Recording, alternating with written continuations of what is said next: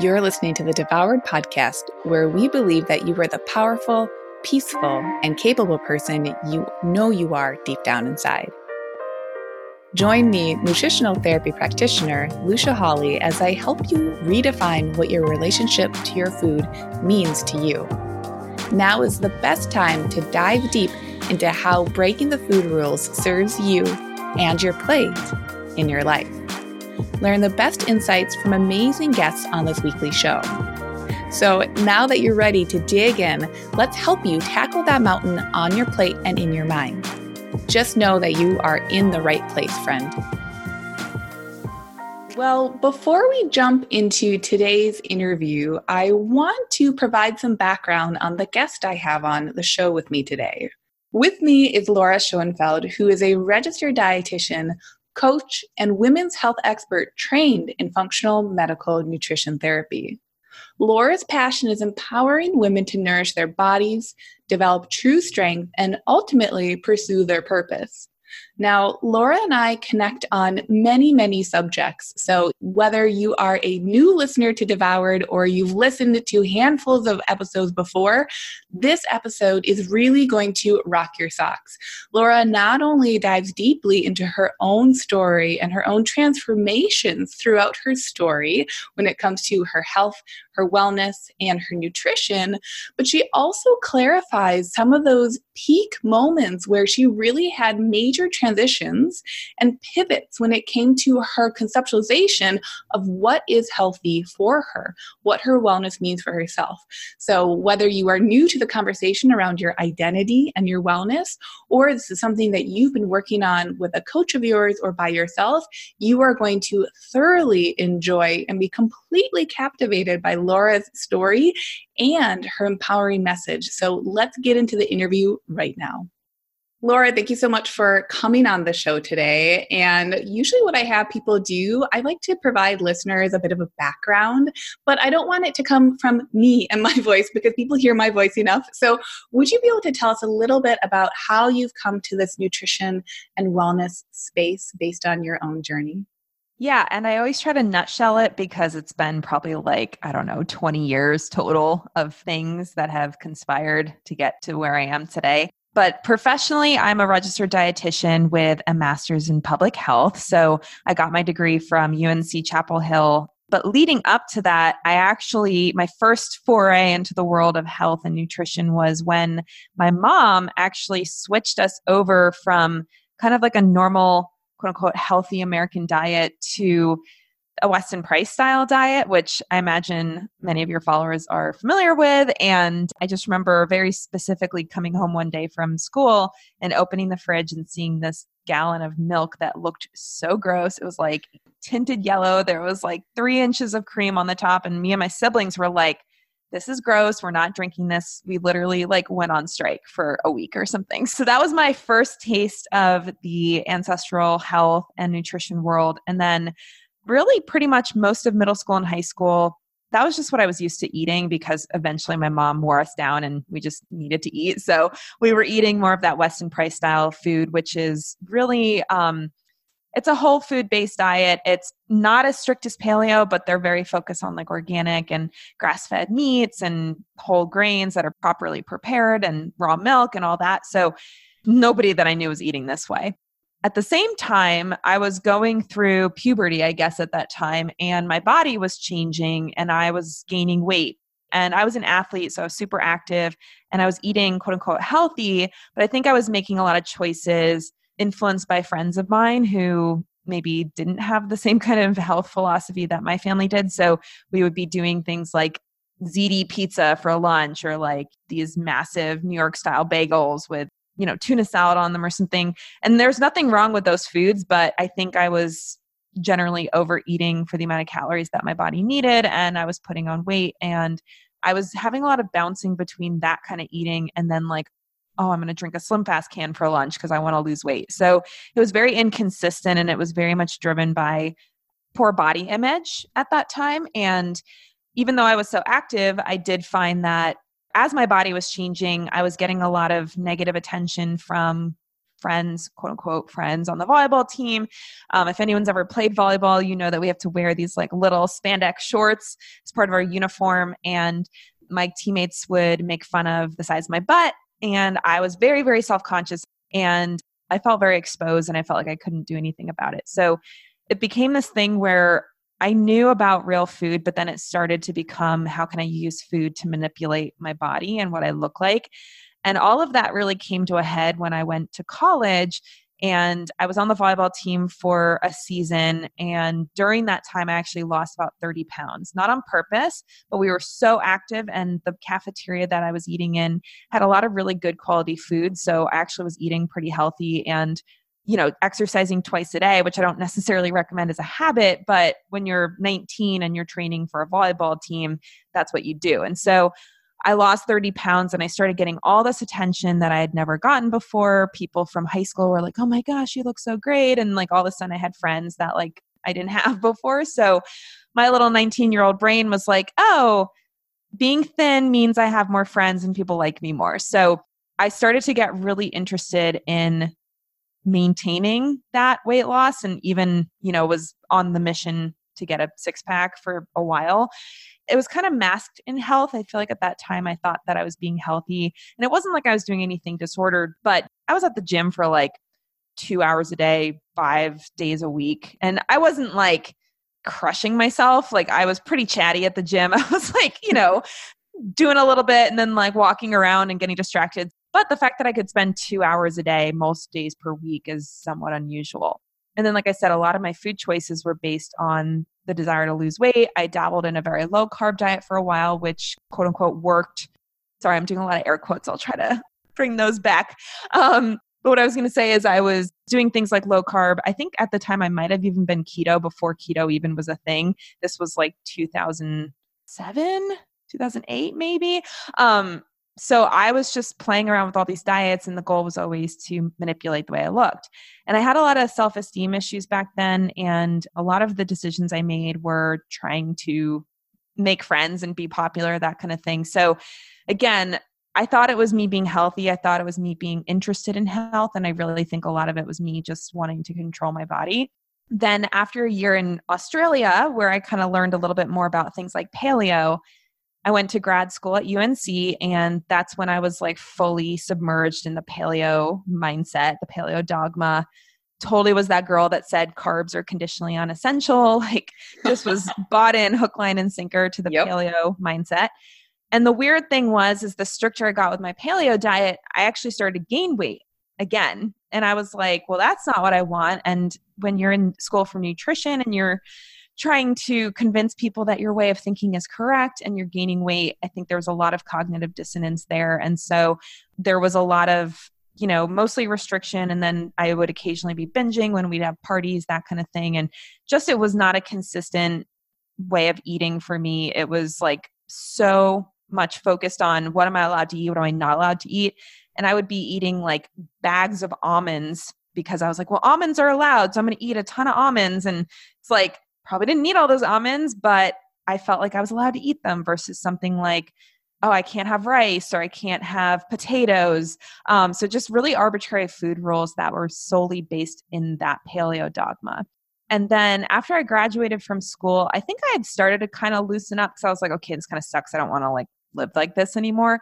And I couldn't really stick to it anyway because I just didn't enjoy being that restrictive. So I ended up kind of having that like restrict binge cycle.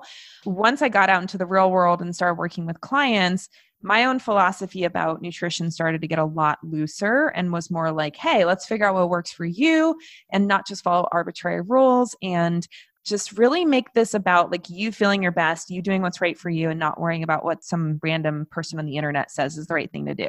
So that was kind of the birth of my original philosophy. And I think for me, it's just been this really interesting journey over the last five or six years of working with clients to not only see how many different ways of eating work and don't work for people, but also seeing in my own life like what I can get away with, I guess is the best way to explain it. Like, I can actually eat a lot of foods that in the past I would have been like, oh no, I can't even be around those because I can't control myself, or oh, I can't eat that because it's going to make me not feel good. And I think I've just been able to come to this conclusion that actually I can eat those foods in moderation and I'm fine. And yes, maybe I need to be a little bit mindful about portion sizes or you know, I'm not going to have ice cream every single night necessarily, but if I have ice cream a couple times a week or, you know, I go out to eat and I don't like, oh, I'm just going to order the salad or something, I get what I want and eat to satisfaction, I've actually been pretty consistent with maintaining not only the health improvements that I've experienced since I got out of that restrict and binge cycle, but also not to make it about weight, but my weight's been pretty darn stable for the last three, four years. And I haven't had to be so white knuckling controlling over it to keep it that way. And I think a lot of that is because of the consistency of the habits that I've developed and the lack of emotion around those habits because again, so much of my decision making in the past was focused on being right and being, you know, accepted and being like ahead of the trends and that kind of thing. And now my decision making is, hey, I want to feel good. I want to be able to work out the way I want to work out. I want my hormones to be healthy. I want my gut to feel healthy. And it's kind of landed me in this zone of I still think about what I eat and I still plan what I'm going to eat because I want to feel my best, but it's not based in thinking that my body is not good enough or that I need to change my body. It's more based in knowing that, hey, if I don't eat protein for a meal, I might not feel good. And then I can't, like, I was just at a conference recently and I had to, like, really be mindful about finding protein at the meals that we ate at because I was like, if I don't get enough protein in, I'm not going to feel energetic and I'm going to like miss out on this amazing conference. And I want to make sure my brain is firing on all cylinders. So, yes, I still am thinking about the food. I'm still planning. I'm still thinking, okay, what kind of macro balance is going to suit me best? But again, it's all from the mindset of I care about myself and I want to feel my best and I want to be able to do the things I want to do.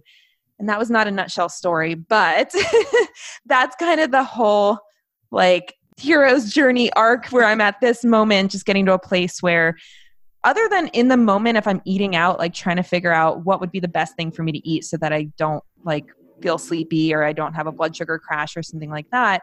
And then thinking about what's the best strategy for exercise that keeps me strong, keeps me active, but doesn't cause me to be exhausted or run down. Like that's about the most I think about my food and my fitness choices at this point because it's gotten so much into that autopilot zone that again it's not like there's no fear in the decision there's no like worry. It's just hey what's a reasonable like intelligent and purposeful choice that i can make in this situation? It's not always perfect but what can be good enough? And there's going to be times where hey there's a dessert. I would like to have that dessert and i'm going to eat it and not worry about oh my gosh this food's going to kill me and I might also not eat the whole thing because I know I don't need a giant piece of cheesecake to enjoy it. So that's kind of where I've gone on my own journey. And like I said, I do guide my clients hopefully through a shorter, condensed version of that journey, not a 20 year process. But I try to do it in six months for my clients where they can go from feeling a lot of fear and worry and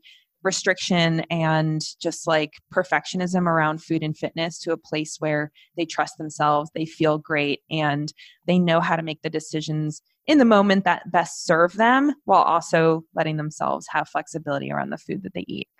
I love that. And as much as yes for your clients, that journey is going to be condensed. I love hearing the more than just like tiny nutshell version because I think so many people who are listening are going to resonate with more than just one part of your story that you just described, right?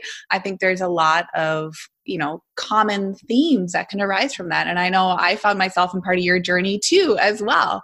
One thing that really stuck out to me that I'd love to hear you chat more about is where you were saying, you know, you had this restriction and binge cycle that was occurring, whether you kind of knew it or not as you were navigating paleo, it sounds like, and like those paleo rules and paleo perfectionism. And I was paleo as well. I remember when white potatoes were not paleo, like, whoa, okay, paleo. But tell me a little bit more because what you were saying there, I think, is such a light bulb moment for people where there was that sense of restriction around okay let me be perfectly paleo and if i'm not then i'm being bad or i'm not as healthy.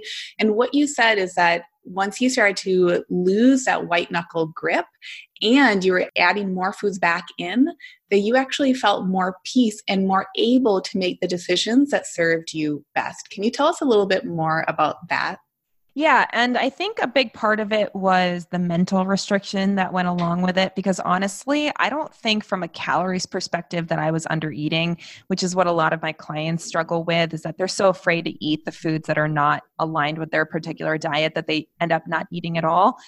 That wasn't so much my problem because I am a very hungry person. like I cannot stand to be hungry and whenever my clients tell me that they're eating like 1200 1500 calories a day. I'm like i would not be able to function. Like literally like my husband will tell you there's been times where we've been walking to dinner. We used to live downtown and we could walk to restaurants. And half the way there i was like i don't think i'm gonna make it. Can you just carry me? Like I'm, so, I'm so hungry because i like you know was busy that day and didn't get like a full luncheon or something. And of course i'm joking. Like i would obviously not like pass out on the way to the restaurant but that's how my body reacts to being hungry is it's just like everything needs to stop.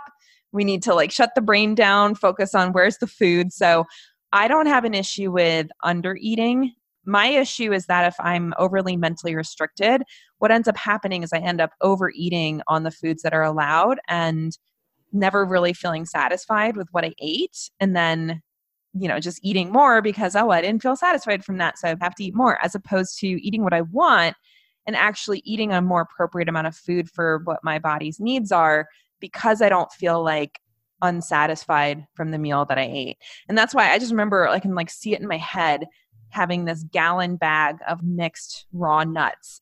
Like eating nuts, I don't even feel good when I eat a lot of nuts. Like my stomach doesn't feel that Me great. either. You can imagine like every time I was hungry, I'm like, well, the only thing I can eat that's paleo is my giant bag of nuts. So let me go grab a handful. And I never felt satisfied by that. And it's funny because nowadays, like I almost don't even snack anymore because the meals that I eat at breakfast, lunch, and dinner are so satisfying and complete that snacking's kind of more just hit or miss for me. But back then it was like, I need to make sure I have a snack. Let me make sure I have nuts or seeds or nuts and seeds or maybe a little bit of fruit and nuts and seeds. So it was just a lot of rules that really actually had nothing to do with what my health needs were. It was 100% based on again these like yes and no lists that came from the paleo world at that point. And i just want to clarify i'm not knocking on paleo as an approach. Like if that works really well for somebody awesome. It just didn't work well for me. I needed way more carbohydrate and less fat for me to feel my best. And i also mentally don't do well with a ton of restriction. I'm more of like a moderator. So having that black and white yes and no kind of food list again, I would feel dissatisfied by the food I was eating and then eat more of the food that was leaving me dissatisfied. So it really wasn't an effective strategy for me to have the best health, like hormone health, gut health. I used to have a lot of issues with, um, I use the air quotes again for adrenal fatigue, but basically just like hormonal disruption caused by stress, essentially. And all of this was just compounding those issues. And then I was gaining weight also, which again, not that we're saying that having more body fat is right or wrong. It's just that if you're at a healthy weight and you're eating a restrictive and binging diet that's causing you to gain weight, like there's no benefit to doing that at all. So I saw that that stuff was happening. And of course, initially my reaction was, oh, well, maybe I just need to be more strict or cut more carbs out. But I just really enjoy being in this place of being able to eat what I want and also having that knowledge of hey, even if it would be really delicious to have, you know, a giant slice of cake as my dinner, I'm not going to feel good if I eat that. And even when I overeat sugar, I tend to get blood sugar issues. So that's in my mind when I'm eating something like, hey, am I still enjoying this? If not, it's not worth finishing it because I know how I'll feel later if I do eat the whole thing. The Devoured podcast is sponsored by Branch Basics, creators of the safest home cleaning products from laundry soap to window washing. Their concentrate goes into different refillable and reusable containers that even the most chemically sensitive can use without worry. I've been using Branch Basics exclusively as my all purpose laundry, bathroom, hand soap, and more options for over a year. And if you like being safe, efficient, minimal, and more eco friendly, you'll love this company just as much as I do. Branch Basics is offering 10% off all starter kits for devoured listeners, so head over to branchbasics.com and use the discount code DEVOURED on your first order today. But I actually had a an experience like this on my birthday this year where we made these cupcakes And they were pretty good. They weren't amazing. I mean, I'm generally not a big cake person anyway, so cupcakes don't like make me feel super excited. But I had one and I was like, that was good. And then I was like, there's a bunch left. Maybe I'll have a second one. It's my birthday, whatever. And after I had that second one, I was having all these symptoms of blood sugar issues. Like my heart was racing. I was feeling anxiety. I was feeling like just not myself, like very just shaky and everything. And I realized that having that second cupcake was not worth the way that I felt right afterwards. And now I know in the future maybe I shouldn't have a second cupcake because I know what's going to happen. So you can see that it's not coming from a place of, oh, I was a bad person for eating that cupcake and now I'm going to beat myself up and I'm going to go to the gym for an extra hour tomorrow to burn off those calories. Like none of that's going through my head anymore. It's 100% hey, that didn't feel good. And then it took me like an hour plus to like feel back to normal. And also the cupcake didn't taste that good. So I don't think I'm going to make that choice again because there was really no positive to that experience. So again, coming from the mindset of that my body is worth taking care of, that I'm enough as I am, regardless of the health of my body. And if I want to live out the purpose that I feel that I've been created to live out, I want to feel good and I don't want to have blood sugar issues and I don't want to be hangry and I don't want to be brain foggy and I want to be able to engage with people like you or my clients or social media or wherever I'm engaging with people. I want to be able to be 100% on when I need to be. And part of that means I need to be eating enough. Part of that means I need to be exercising in the sweet spot, not too little, not too much. And a big part of that is getting enough sleep. So it's just recognizing the habits that actually do serve me mm. and are not always the easiest thing. It does take discipline, especially in the world we live in these days. It's a lot easier to eat a junky diet and either not go to the gym at all or go too much or stay up too late and not get enough sleep. That's the way our environment is set up to promote those behaviors. So it's kind of having that discipline to say, it's worth feeling good to do these things. And if I miss it, who cares? Like it's not that big of a deal because it's really about consistent habits over time as opposed to individual things making a huge impact on how I feel. So, again, super long answer about that. I am super wordy, so you may get about three minutes of uh, talking on this episode. That's great. I don't want to be talking on this episode.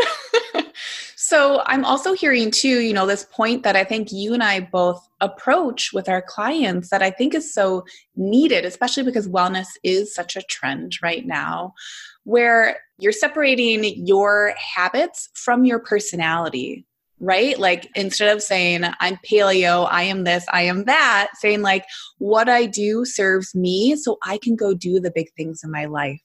And I think I would just love to hear you talk about that a little bit more or what you see with your clients when they're going through that process. Yeah, and actually, when you said the word personality, the word that I use when I talk about it with my clients is identity, which I'm sure we're talking about the same thing. But just in case people aren't familiar with my work, my main program that I run right now, um, I have a couple of different programs, but this is like my main focus. It's actually a faith based program. So I became a Christian in 2012, and up until the last couple years, faith wasn't really a part of my counseling or coaching process.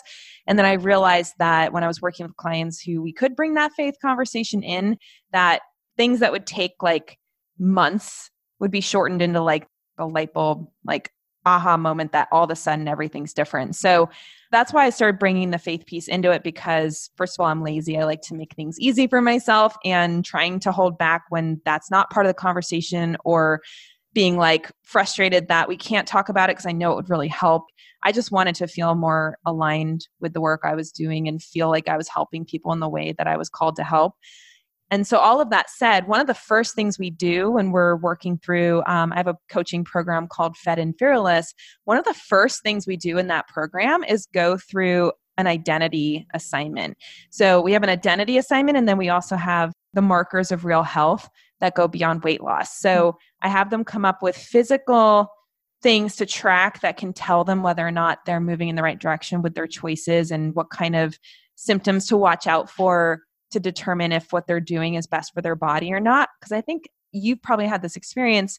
So many women, they look at the scale to tell them if their diet is working for them. And they don't look at the fact that, oh, they're not getting a menstrual cycle, or oh, their digestive system is a mess, or oh, they don't sleep through the night. Like those things that actually are way more important for health. they're so focused on the scale as saying like oh well if the scale is going down it's good and if it's going up it's bad and if it's staying the same it's also bad um, so we do that and then we also do that identity assignment because from a christian perspective pretty much everything that we struggle with comes down to where are we putting our identity i think that's something that i definitely had a misconception about before the last couple of years of learning more about what the Bible really says because I think the word sin, I think, can generally make people feel uncomfortable because they're like, sins like you do something wrong and you're a bad person. But really, sin is more you are focusing on something that was never meant for you to be focusing on and you're valuing something that is not something that you were meant to be valuing. So it's kind of getting to a place where you're rooting your identity in who God says you are, as opposed to rooting your identity in what the world says you should be focusing on. So I know that can be a little bit weird for some people, especially if they're like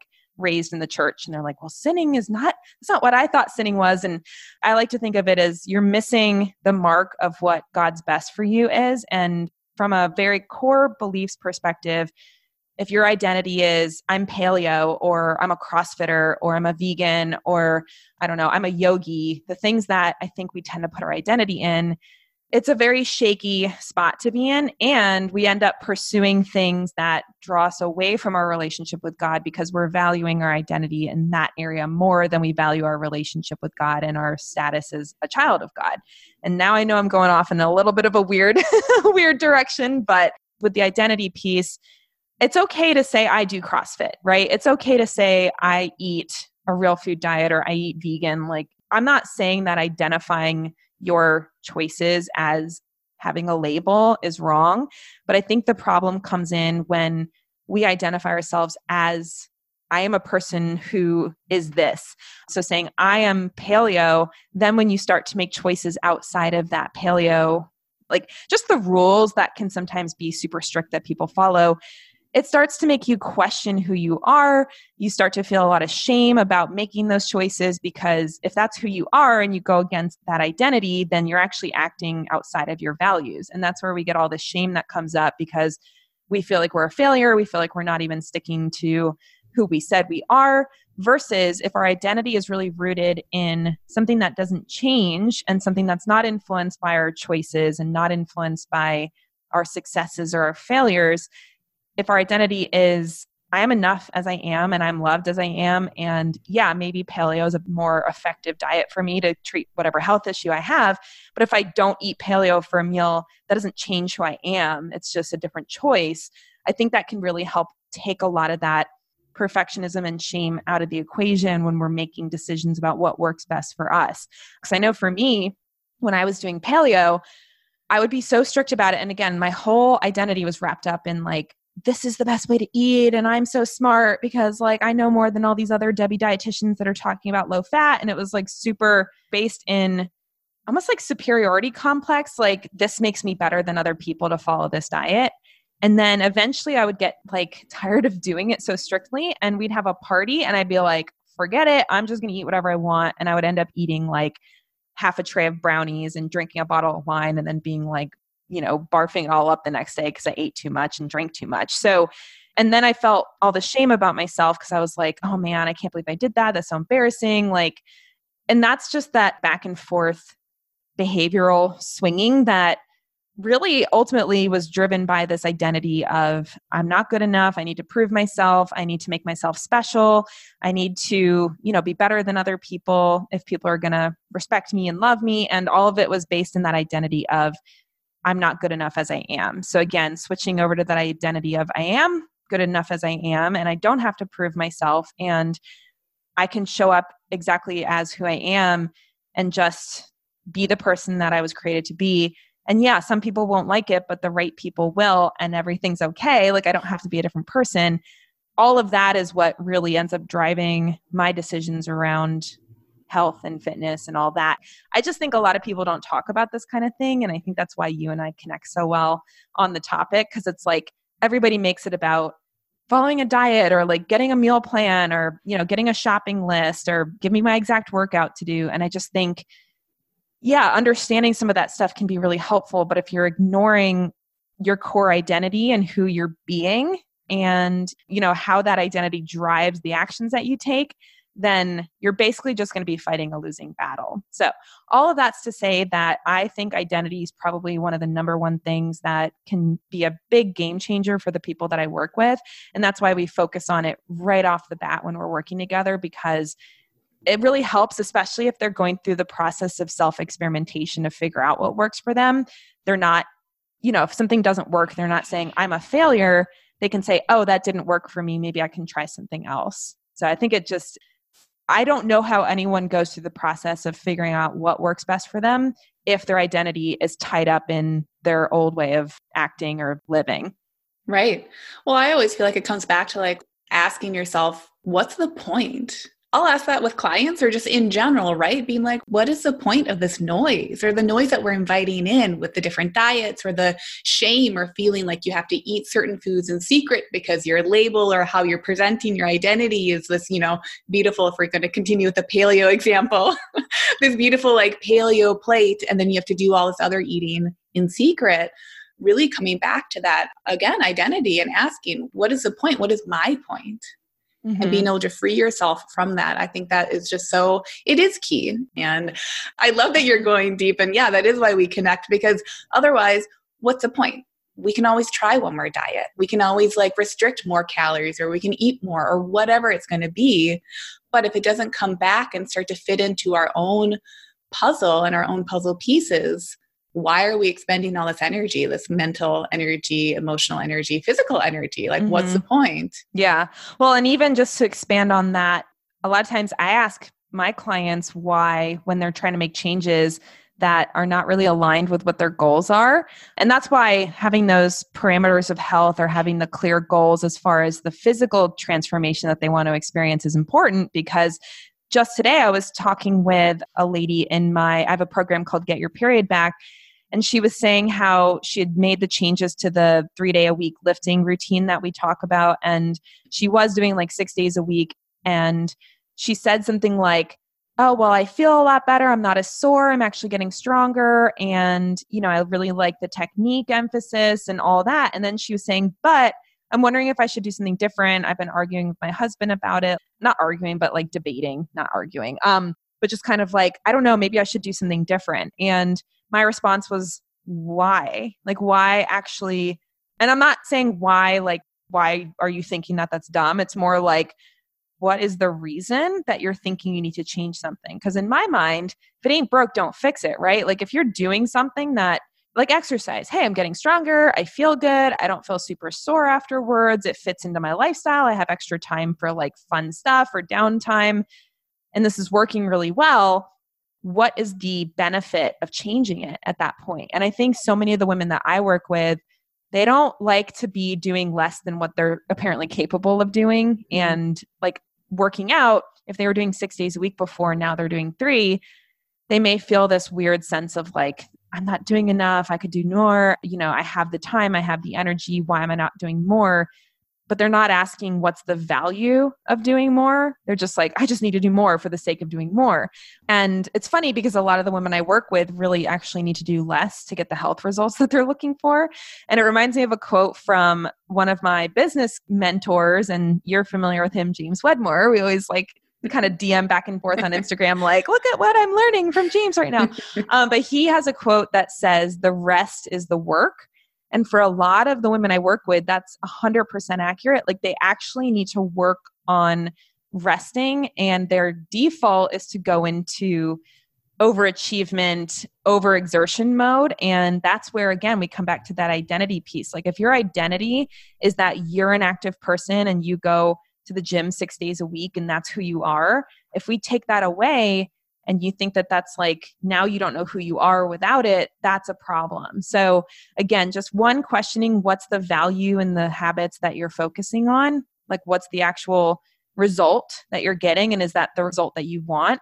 And then, if you're tempted to change for no reason and you just are uncomfortable with what you're doing because you don't feel like it's enough, then you have to go back to that identity question like, you know, is all of this coming from that sense of I'm not enough if I'm not doing as much as I possibly can? So it can get super deep psychologically, but I think there's a reason why so many smart women struggle with this stuff. And it's not because they can't figure out like how to eat or how to exercise. I think it's that they have too much noise in their head. They almost have too much information that they're trying to sift through, and they're trusting other people to tell them what to do as opposed to learning how to listen to themselves and make decisions that are best for them. Yeah. I think a lot of us, and I would put myself in this camp too. I've been rewarded for my analytical brain, that half of my brain, right? Being the thinker, thinking hard, being intellectual, and getting ahead because of that. So it can be this big, like, full stop to be like, oh no, like, wait, I can't just like figure this out and be intelligent about it. And now I'm using the air quotes. I have to actually dip into my emotional creative brain. And I have to ask that side of my brain, like, what do I trust? What is my intuition telling me? What do I want? And I so fully agree with that, where it is most of the time, we actually can allow ourselves to do less. And that is scary. That can feel like a free fall when everything that you have been doing has been saying like oh do more do more. Do it smarter do it better do it faster whatever else. And as well it can be that big full stop too because our society loves to encourage us to be doing more of that right? It loves to be pushing for the analytical brain. And i like to say like hey ooh, actually don't trust your emotional brain. Like it doesn't know what it's doing or it's going to give you some of those uh, sins right? Like you're going to fall into being sloth or a glutton or whatever else it's going to be. Yeah and i think do you ever do the Enneagram? Mm-hmm. I love it. Are you are you a five? I'm a nine. A nine. Okay. Peacemaker. Because you? you got well, I'm a four. And I think it's funny, like I definitely prided myself on being able to figure things out and being able to solve problems and being able to do the right thing. But I also think what really drove me off track growing up was the desire to do what my teachers wanted me to do and to be the star of whatever I was in. So whether that was like I wanted to be the best on the volleyball team, even if physically I wasn't like as genetically talented as some of the girls that I played with, I was always like, well, I'm going to be the hardest worker. Then I'm going to like, you know, shine because of how much effort I put in. And then, you know, even with things like art classes, like wanting to win awards and wanting to be just like wanting to be the one that's special and recognized and that kind of thing. I think that really drove a lot of my decisions around food and fitness for a long time because it's like virtue signaling like i'm super healthy and i eat these healthy foods and i can kind of like rest in my uniqueness and my you know specialness by being on this diet or doing this kind of workout. And ultimately it just was like really not worth it. And it's an issue that i still like i'll find it in other areas of my life. I think right now i'm trying to like untangle it from the business stuff that i'm doing and really make sure i'm not like getting into that people pleasing mode with business. But with the health stuff luckily i think i've gotten to a place where i don't eat or exercise in order to make myself like special or to get recognition. It's more hey this is what works for me. And if anything i feel like you know, people are like, oh, you probably work out so much. I'm like, no, I probably go like two to three times a week right now. And sometimes I'll think maybe I should do more. And then I'm like, but why? So it's definitely a good process to go through to kind of unravel what drives you and what you're looking for and what kind of emotional hit are you getting from these choices because even if something's physically damaging to you like overtraining under eating restrictive dieting that kind of thing you'd only be doing it because there's some benefit and usually it's like an emotional benefit that you're getting a sense of satisfaction or i'm good enough because i did xyz so just being able to really sit with yourself and ask those questions because i know for me in school it was like I always get all a's and i'm like you know certain classes i was like the teacher's pet and all that and once you get out into the real world most of the time you're not getting external validation for what you're doing. And if you're always seeking that,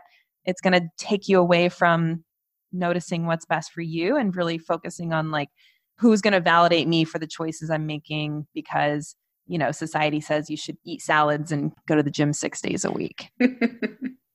I mean, hey, salads are fine here and there, but like, I can't do a salad all the time. you know what's funny is the other day um, we were eating at this restaurant in Atlanta. I was right by the conference center that I was in, and I was trying to figure out what I wanted to eat because I was like, I was telling you a minute ago, I wanted to make sure that my brain was like fully functioning and everything. And they had all these salads that were like one of their main entree options, and I was like, it was funny because they said the calorie amounts and I saw the amount and I was like, okay, realistically, the amount of calories is probably enough for, you know, me not exercising today and me just sitting around like, you know, six, 700 calories for a meal.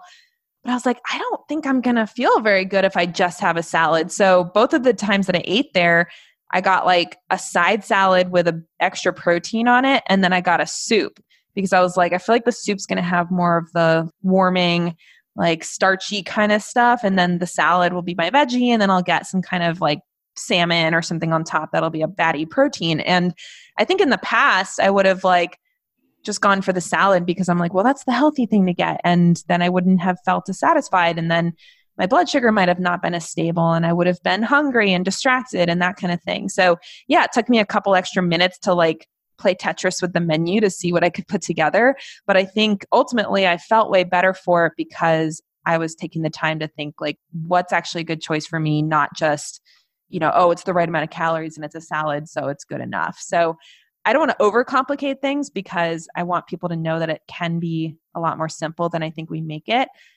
But on the flip side, I think part of the issue that scares people out of doing something like intuitive eating is the thought that if I just eat whatever I want, whatever sounds good, I won't feel as good. And the way that I teach intuitive eating really starts with understanding physically what makes your body feel good and then allowing the intuition to kind of layer on top of that where it's like, hey, if I'm 80% of the time eating things that I know make me feel my best and then I have that occasional pure enjoyment food, it's actually overall a pretty good foundation of health and that enjoyment is not going to derail how I feel on any given basis. So it's a little bit different than the uh, standard practice of intuitive eating, but my goal is to get people to a place where they trust their bodies and they also have the ability to make intentional choices that support them feeling their best. And they know hey i've gone through this process of self experimentation i know what my body needs. I know the volume of food that my body needs because so many of my clients are coming from that under eating background. So getting them to a place where they actually know hey this is how much food gets me to my general calorie needs for the day and then they can use their appetite satiety to kind of tell them do i want all of this? Should i like save some of this for later? Do i want a snack later? Should i have dessert?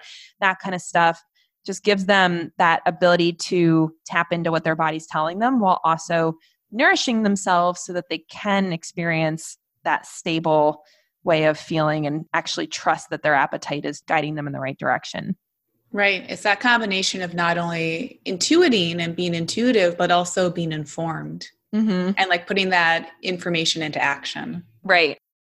The Devoured podcast is sponsored by Primally Pure, a safer skincare company dedicated to creating superior results with fewer ingredients.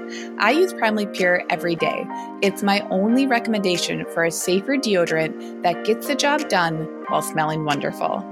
And it doesn't leave a greasy residue like many other homemade or alternative deodorant options out there. And I've tried quite a few and I've made quite a few. Their dry shampoo is my other favorite, and it's scented only with essential oils, which I love from a safety standpoint.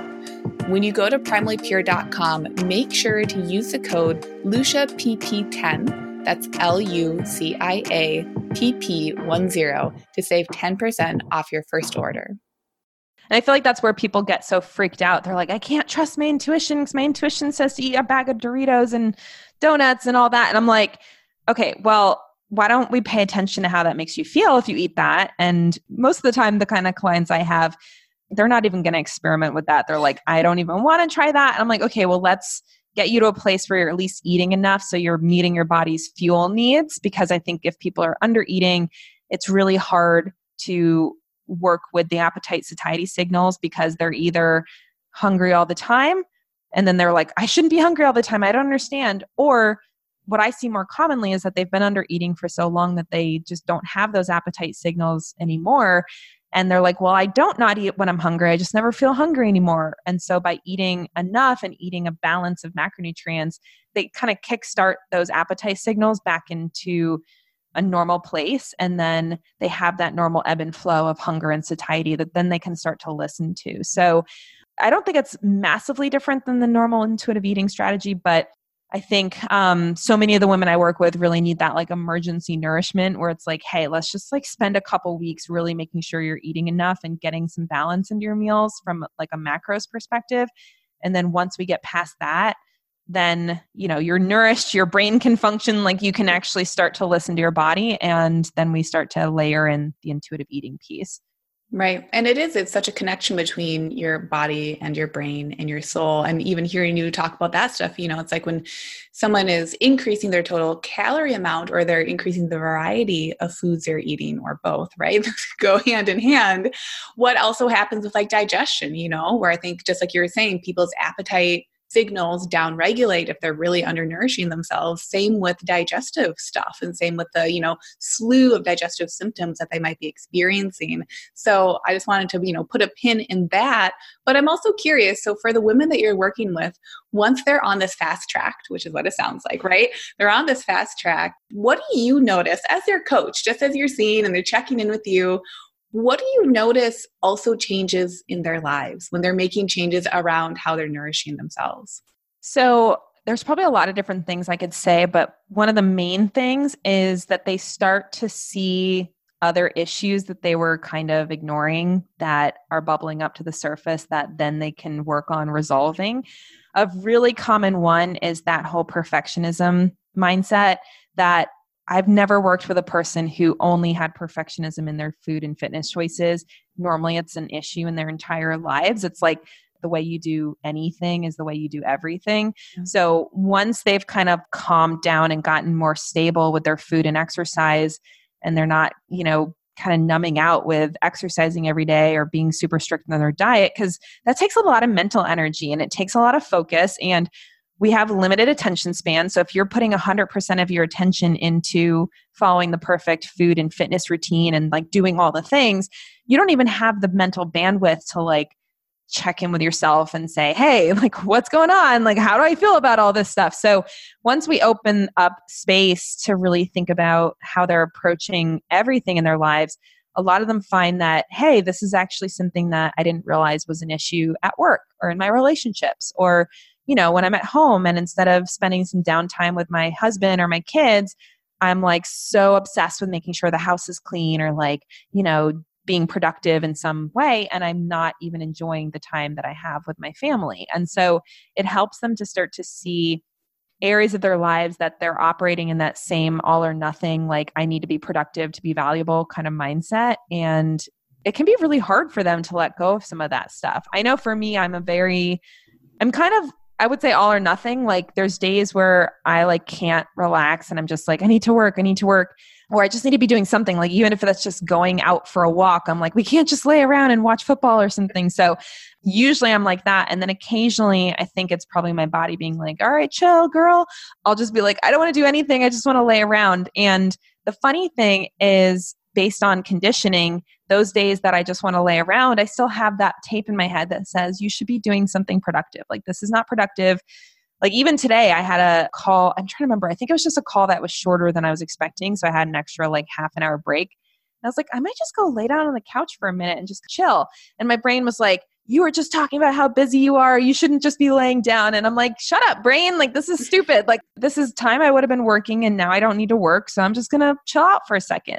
So I think a lot of women have that same experience where we start to clear out their schedule from, you know, you're going to the gym three days a week instead of six. You have an extra five hours a week now that you can do other things with. And instead of just stuffing that full of like chores or productivity, it's like, hey, let's get to know you and what you like and maybe what is exciting for you and what your soul really needs to be happy. Maybe that's fun stuff. Maybe that is giving back or getting involved in some kind of service activity but let's like drop this whole i need to be doing doing doing all the time and just think like what can i do to add some receiving and some resting into my schedule so that i can actually be my best self when it comes to the doing. So that's something that again once we clear out all the mental drainage on the food piece, the exercise piece, even just the amount of time all that stuff can take up. Even, you know, the fact that I've had some clients tell me before that the best thing that happened was that they no longer binge health podcasts anymore. They actually will listen to something that's more enjoyable, like a fiction one, or like they'll listen to audiobooks, or they'll, you know, maybe they're going to listen to a business podcast because they're trying to grow a business and they're more interested in that kind of thing. And so getting to discover like their interests outside of just body maintenance, I think is a really awesome unexpected side effect of the work. And then, like I said, just having that extra space to really start to question, you know, how do I spend my time? What's valuable to me? Do I give myself opportunity to rest and have downtime? And, you know, all of that stuff that, again, had they not done the work to get their diet and their exercise routine established at a point where it's the least amount of work necessary to get the best results, which is always my goal. I'm like, let's do the least possible to get the best results. And usually it's a lot less than people think it's going to be. And then once they're there, then it's like, now what do I do with all that extra time and extra mental space? Maybe it needs to be rest. Maybe it needs to be play. Maybe it needs to be service to my community. Maybe it needs to be, you know, taking my gaze off myself and looking at others and, you know, seeing how I can impact the world around me. Everybody's different, but I just feel like my goal with my program it's so funny like sometimes i'm like do i really still want to talk about food and fitness because sometimes right. i think it's so basic but then really my goal is to kind of break the chains off people's brains when it comes to those choices so that that turns into something that they don't really have to think about anymore so that they are now free to think about the things that are more valuable to them from a faith perspective that they feel like they can hear God speaking to them and actually follow his plan for their life, which is always going to put them in a better spot than what they would get if they were going on their own. And just seeing like what impact am I here to make? Who am I here to be in relationship with?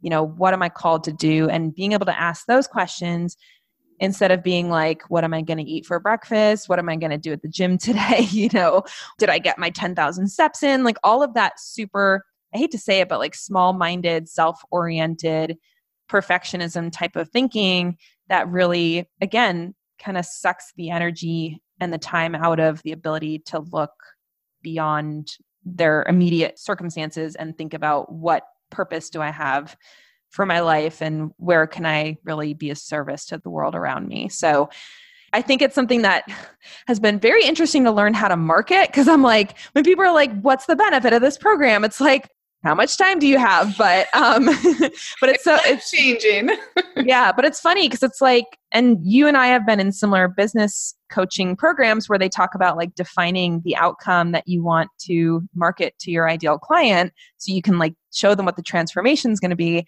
And i have been kind of like trying to figure out for the last i don't know 10 months what is the transformation? Like how do i distill that into like a catchy word that catches people's attention because when people are in the program they're like oh my gosh this is life changing but then you know to get them in the program usually they're like well i want to lose weight or i want to heal my hormones or you know whatever the physical thing is that they want to solve my program helps all of the things that people are dealing with from a health perspective. And so not that I want to change that. I've been encouraged to get more specific. And I'm like, no, I really like helping people with all the different health issues because at the end of the day, if it's all stemming from the same misplaced identity and, you know, lack of self knowledge and self trust and, you know, trying to earn their self worth by doing the things as opposed to recognizing that they have self worth and then that self worth drives the actions that take care of themselves. That's what I like to teach. And, again, maybe not the best marketing decision, but I think for me, um, having worked with so many different types of people and seeing how much this can affect somebody's entire life and just ripple out into their career into their relationships into you know their parenting like all the different ways that it affects them i get way more jazzed up about that than saying i'll help you lose 10 pounds or whatever it is. So that's i think how this change can affect other people. That's why I think it's so valuable to do the work and to go through the process of getting coached and learning the strategies that allow someone to release these things because I would hate for them to get to 80 years old and look back on their life and be like, all I ever did was focus on my food and my fitness habits. And I like knowing that the work that I'm doing, and I know that you're doing similar stuff as well, like the work that we're doing is really creating such an expansion of that person's life that maybe they don't even realize they're going to experience when they get into the program. Totally. You're like, welcome. I also have, you know, as you've been chatting, for me, I'm a really visual person. So in my head, I also just see, you know, people like their plates, they're sitting down at the table. It's like they're just hyper focused on their plate. They can't see anything else that's happening. And with this work, it's really saying, like, the plate is still going to be there. And what happens when you look up and just look mm-hmm. around and you see like that landscape of possibility? Because that's really mm-hmm. what it is. It's just saying, like, what do you want to do with your one beautiful life? Because it's right there for you. And there doesn't have to be this huge hyper focus that really keeps you with tunnel vision in essence. Mm-hmm. Yeah, definitely. I mean, it's just like that's all you can think about. And there's no space for the things that really matter to you. And that's why when I work with clients, the identity thing, the how are we actually tracking progress for health? That's not just the number in the scale.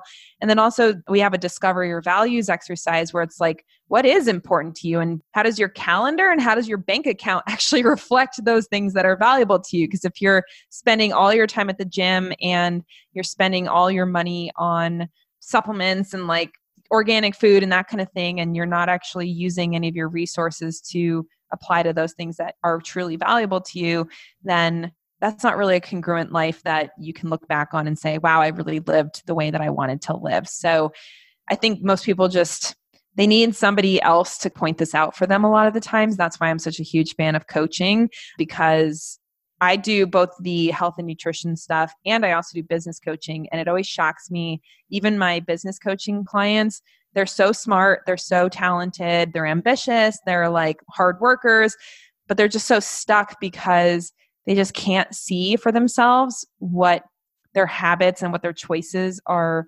reflecting as far as their values go. And a lot of times their values are hard work as opposed to how can we make this easier and how can we make this more effective? Right. so i do the same thing with my health and wellness clients as i do with my business coaching clients. It's just what are those repetitive thought patterns or those false beliefs that are driving those behaviors that are leading to the result that you're experiencing now?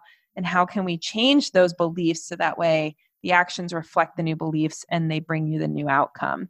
So it's cool to see how well it works in all areas. It's not just food and nutrition Mic drop right there. so, I have some questions that I ask guests on here. Um, my first one is What is your idea of health? Ooh, that's a good question. I would say health is when our physical, our mental, and our spiritual health are getting equal attention and they're working in synergy. So, I look at physical health as being something that can create better mental health and also allow for the spiritual health piece because if you're sick or if you're dealing with health issues, a lot of times you have to be focused on yourself because you are physically incapacitated or you're relying on other people to take care of you. Not that there's any shame in that because I think there's value in accepting help and there's it's really important to have people who are giving and receiving help because we can't all just be like you know super independent doing everything for ourselves. But if you are ill or if you're dealing with significant health issues it does kind of affect how much you can show up in the world and how much you can really shine your light to other people and I think some people are able to move past the health limitations, but a lot of people do get stuck if their physical health is suffering. And even just having the energy to show up the way you want to show up. So the physical, the mental, and the spiritual health all work together because somebody could be extremely physically healthy and do all the things, but spiritually they may be feeling hopeless and feeling like there's no point to anything or feeling like you know there's no meaning to their life that kind of thing and that's not healthy either. So i like to look at it as a complete picture and whenever i'm working with clients it's like let's look at all of these and see where this needs to be like where should we focus on first? Because for so many people their body's totally fine. It's the mental and the spiritual component that needs the work. So i like to make sure that we're always looking at all the pieces in equal priority. What is your idea of happiness Happiness is being able to find joy in the current. So, contentment and gratitude for where we are now, and also having the freedom to pursue the goals and dreams that we have. And I think a lot of times people think that contentment means I give up on my goals. And a lot of people also think that in order to pursue my goals, I need to beat myself up and like not let anything ever be good enough. And I think true happiness comes from having gratitude for where we're currently at and what we already have, and then also being free to dream about what's possible for the future. I love that. Yeah, that's big. It's in the present and in the future. Mm-hmm. What is your favorite word? So I'm terrible with superlatives. so I'm like, favorite word. And that's the thing is it's that like perfectionism stuff that comes up. I have to pick the perfect word. Yeah. Um, instead of picking my favorite word, I'll just go with a word that comes into the work that I do a lot, and that's the word fearless.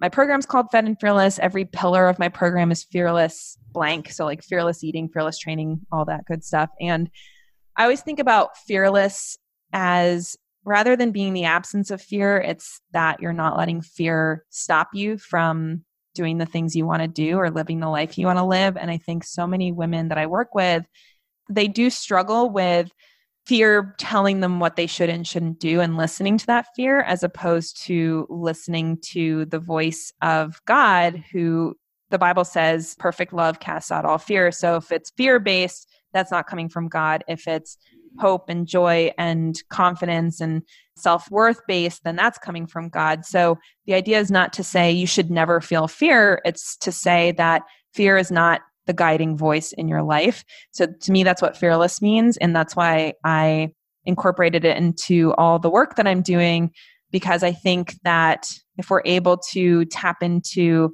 our higher power and that source that is love and is positive thinking and is self confidence, like we can really do anything and we can figure out problems. We can, you know, we can pursue our big, bold dreams. And that doesn't mean we don't feel fear. It just means that it's not what we're making our decisions based on. So, first off, I want to thank you for coming on the show today because I feel like this conversation is so powerful and I feel like we could continue it for another hour. There's just like scratching the surface. um, tell us where we can find you. I'll link up everything good in the show notes, but tell us here too.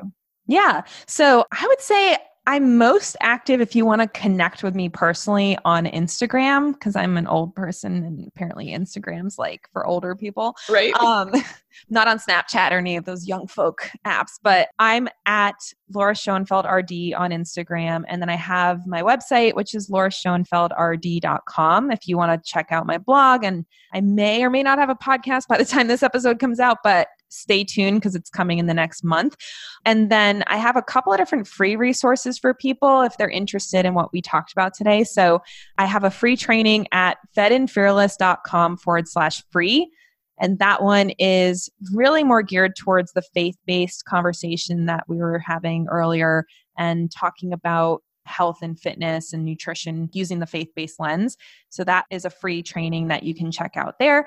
And then the other free training I have is more geared towards my amenorrhea clients. Amenorrhea is a missing period. So this is something that I, I wouldn't say I'm like crazy known for, but a lot of people know me as someone who works with women's hormonal health. And I have a program called Get Your Period Back. And if people go to getyourperiodback.com, I have a free training there that you can check out that talks about my philosophy and my approach to dealing with amenorrhea. And both of those offer some fun little gifts at the end. So, those links, um, Lucia, I'm sure we'll put in the show notes. But otherwise, like I said, I would love to hear from you on Instagram. If anything I said today resonates, please DM me. I would love to hear from you and just let me know what resonated with you and what you feel like changed your perspective from our conversation today. Yeah, everyone go hit up Laura.